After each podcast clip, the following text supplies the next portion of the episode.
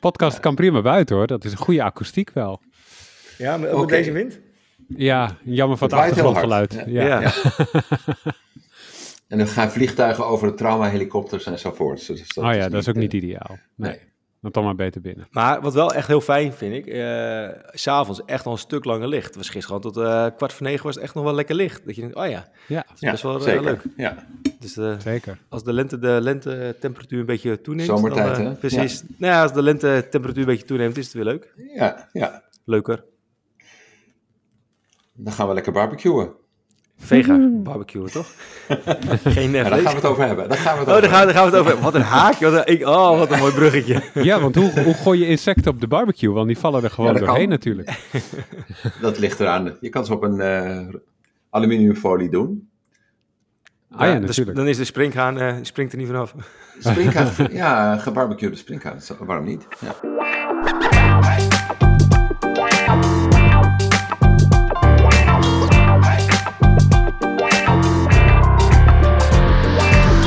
Hey, welkom bij een nieuwe aflevering van een podcast over voeding. In deze podcastserie gaan we in op de wetenschap achter voeding en laten we wetenschappers aan het woord over allerlei thema's die met voeding te maken hebben. Bart Mol van I'm a Foodie is er natuurlijk ook weer bij. Hoi Bart. Hey, dag Arnold. En dag eh, Jaap. Hi. Hi Jaap. Jaap Seidel is er natuurlijk bij Ja. en dat betekent een broodje Jaap. We nemen in een kwartier of net iets meer een actualiteit door.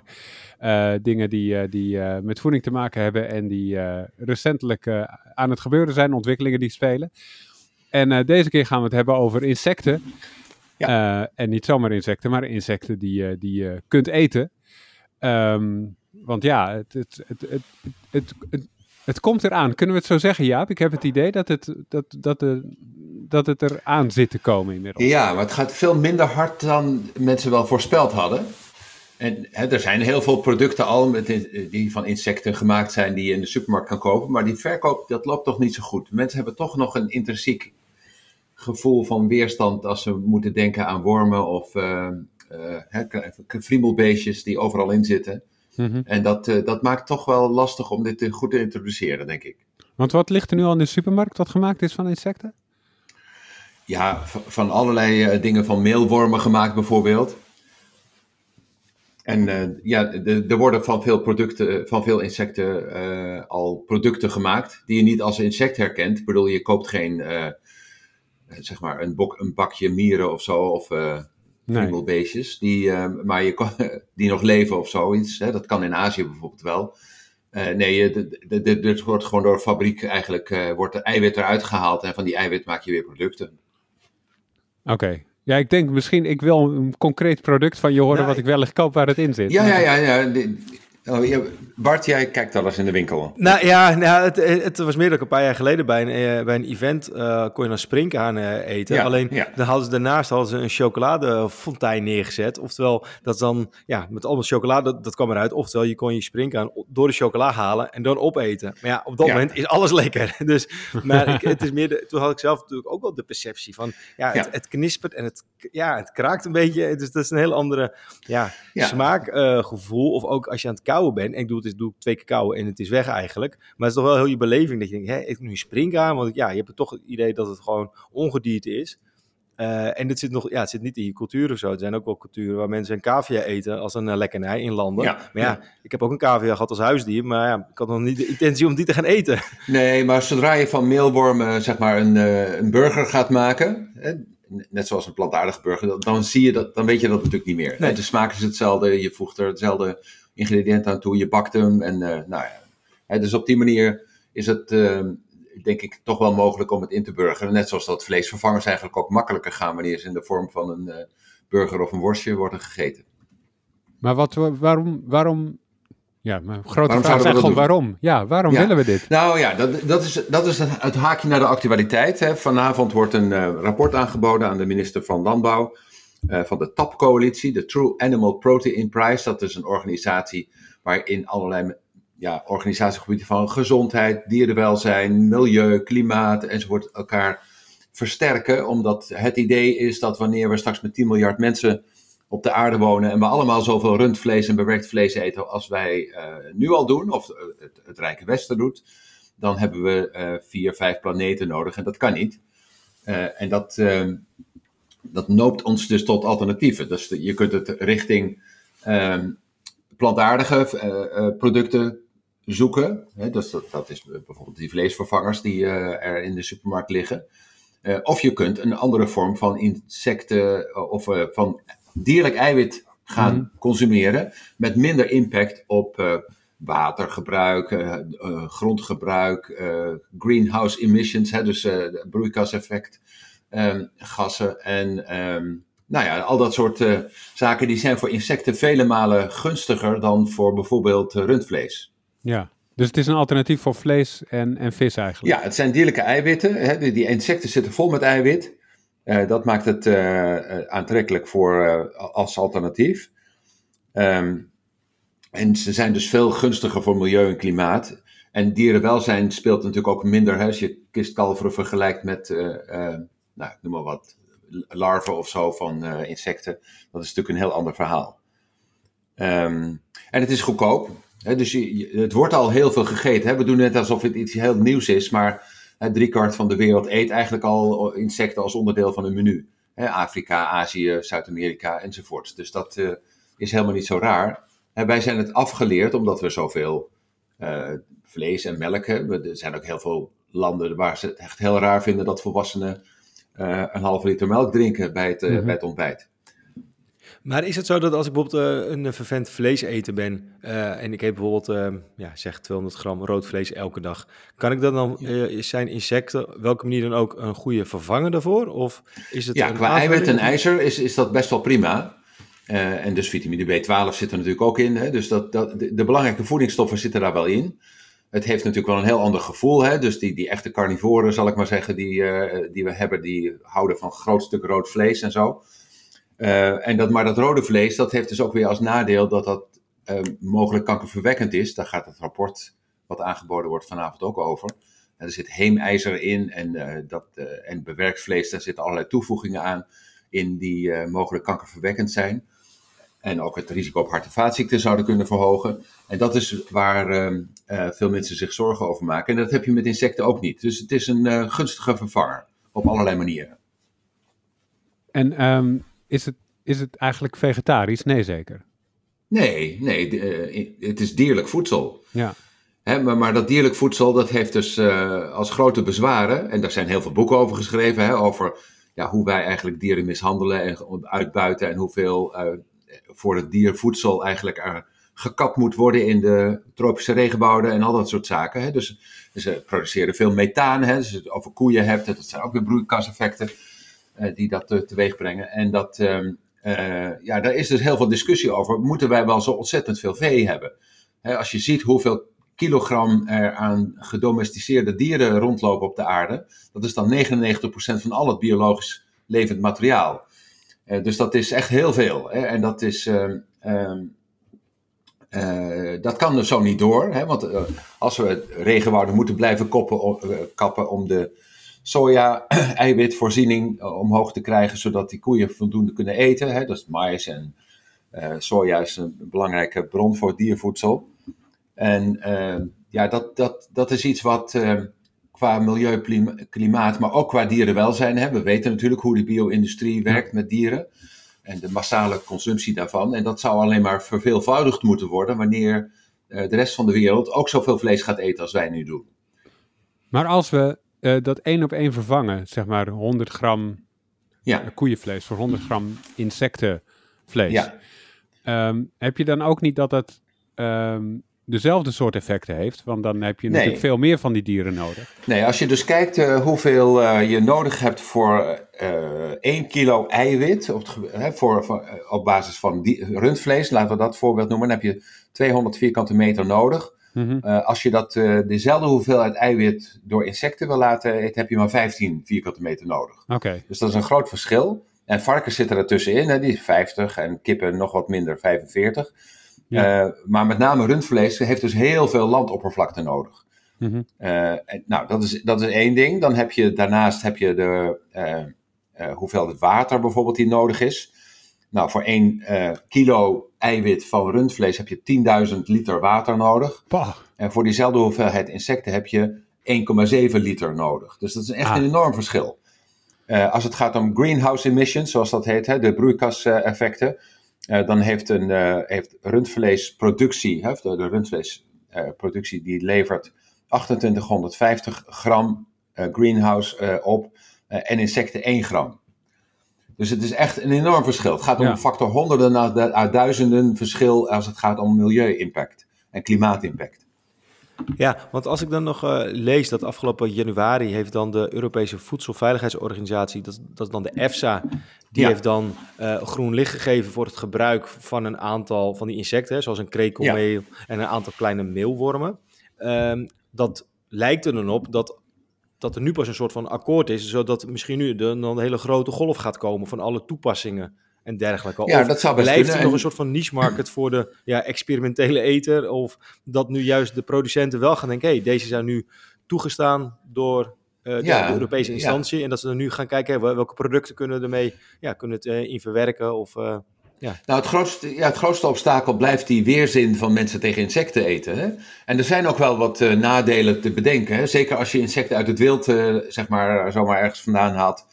Uh, dan kunnen daar allerlei pesticiden nog in zitten en zo. Hè? Die pesticiden die worden natuurlijk besproeid met van alles. Er zitten, net zoals met dierlijk eiwit, hè, bijvoorbeeld garnalen en zo, die kunnen een allergische reactie opleveren. En dat kan ook met insecten.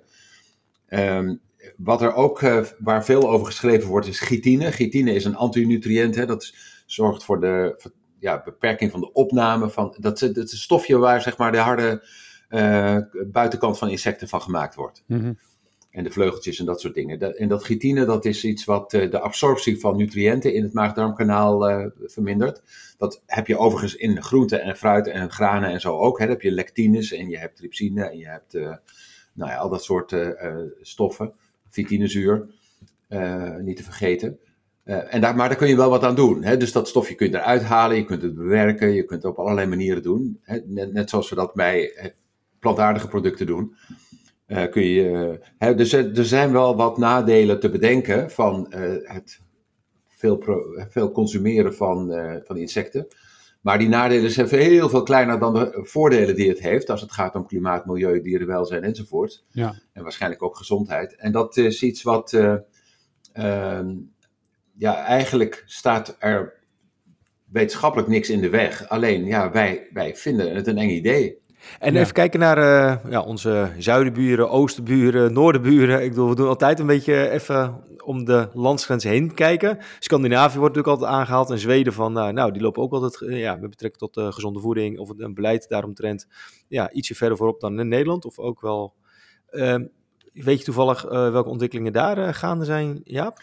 Nou, je hebt overal ongeveer dezelfde barrières. Hè? Dus overal uh, is het officiële advies, dat zou een goed alternatief wezen. Als je dierlijk eiwit wil blijven eten, uh, dan, dan kan dat. Maar je ziet in heel veel landen natuurlijk nog veel meer aandacht voor uh, plantaardige vervangers van dierlijk eiwit. En dat loopt natuurlijk een beetje door elkaar heen. Hè? Dus als je kijkt in de supermarkten, in al die landen die je net noemde, dan is de opmars van de plantaardige vleesvervangers veel veel groter dan de insectenburgers omdat uh, ja, het eten van planten, dat, dat zijn we gewend. Hè, uh, bloemkool of wat dan ook. Hè, dus en, en, eh, en erwten en bonen en dat soort dingen. Dus dat, uh, ja, als je daar producten van maakt, dan vindt iedereen het eigenlijk heel gewoon. En ik weet niet hoe het zit met de winstmarges, maar het zou zomaar kunnen zijn dat het voor ja, producenten van voedsel ook veel aantrekkelijker is om vleesvervangers te maken, plantaardige vleesvervangers, dan insectenvleesvervangers. Ja, ja want het, het, het grappige is ook, met even een ander aspect. Ik ben zelf ben ik wel uh, vegetariër. Terwijl met dit, ik heb nog nooit de ambitie gehad om dus die insecten dan uh, structureel te gaan eten, zeg maar. Maar dan, ja, maar dan ben je ook geen vegetariër meer, hè? Nee, daarom. Dan ben je nee. ook geen vegetariër. Nee, maar ik ben meer nee. van om toch ja. wel te proeven van, oké, okay, wat is het? Ja. Want als, ja, als ik er een mening over heb, wil ik het eigenlijk ook wel gewoon proeven of testen van, nou, is het lekker of niet, et cetera. Um, maar dan, ik, dat was meer waar ik gelijk aan dacht. Ik heb wel een heel goed beeld bij ja, natuurlijk hoe de kippen, de, de, varkens en de koeien worden gehouden in Nederland en in de wereld. Daarvan heb ik al vanuit ja, het, het dierenwelzijn. Ja. Dan denk ik, daar heb ik al een bepaald, ja, roept een bepaalde aversie bij mezelf op. Terwijl, ja, als ik nu naar die plaatjes kijk van de insecten, ja, dan heb ik dat hele gevoel dus niet. Terwijl dat, uh, dat zou wel ja, nog hetzelfde kunnen zijn. Die zitten ook met uh, duizenden, honderdduizenden in een bepaalde ruimte. Terwijl, ja, ja dat, maar dat, ja, dat heeft natuurlijk ook te maken met uh, hoe ver ontwikkeld en hoe dichtbij staan dieren ten opzichte van mensen. Hè? Dus als, je, als je meer gevoel hebt, meer emoties, meer uh, ver ontwikkeld brein en zenuwstelsel, dan hebben we natuurlijk daar veel meer moeite mee dan, dan een insect wat natuurlijk veel primairder is. Hè? Dus uh, dat, uh, ja, nee, maar ik bedoel, uh, dat, dat is dus naast het gezondheidsaspect is natuurlijk ook het, het, het idee van dierenwelzijn en natuurlijk de impact ja. van vlees, dieren, et cetera, op uh, de impact op het milieu. Dat zijn dan van de hele belangrijke ja, je slaat, aspecten. Je slaat veel, veel makkelijker muggen en vliegen dood in je huis nou dan dat, dat je kippen slacht. Als hè? ik dus in ieder geval zo'n mug in mijn kamer heb in de zomer, dan denk ik niet, ik ga hem vangen. Nee, eerlijk gezegd.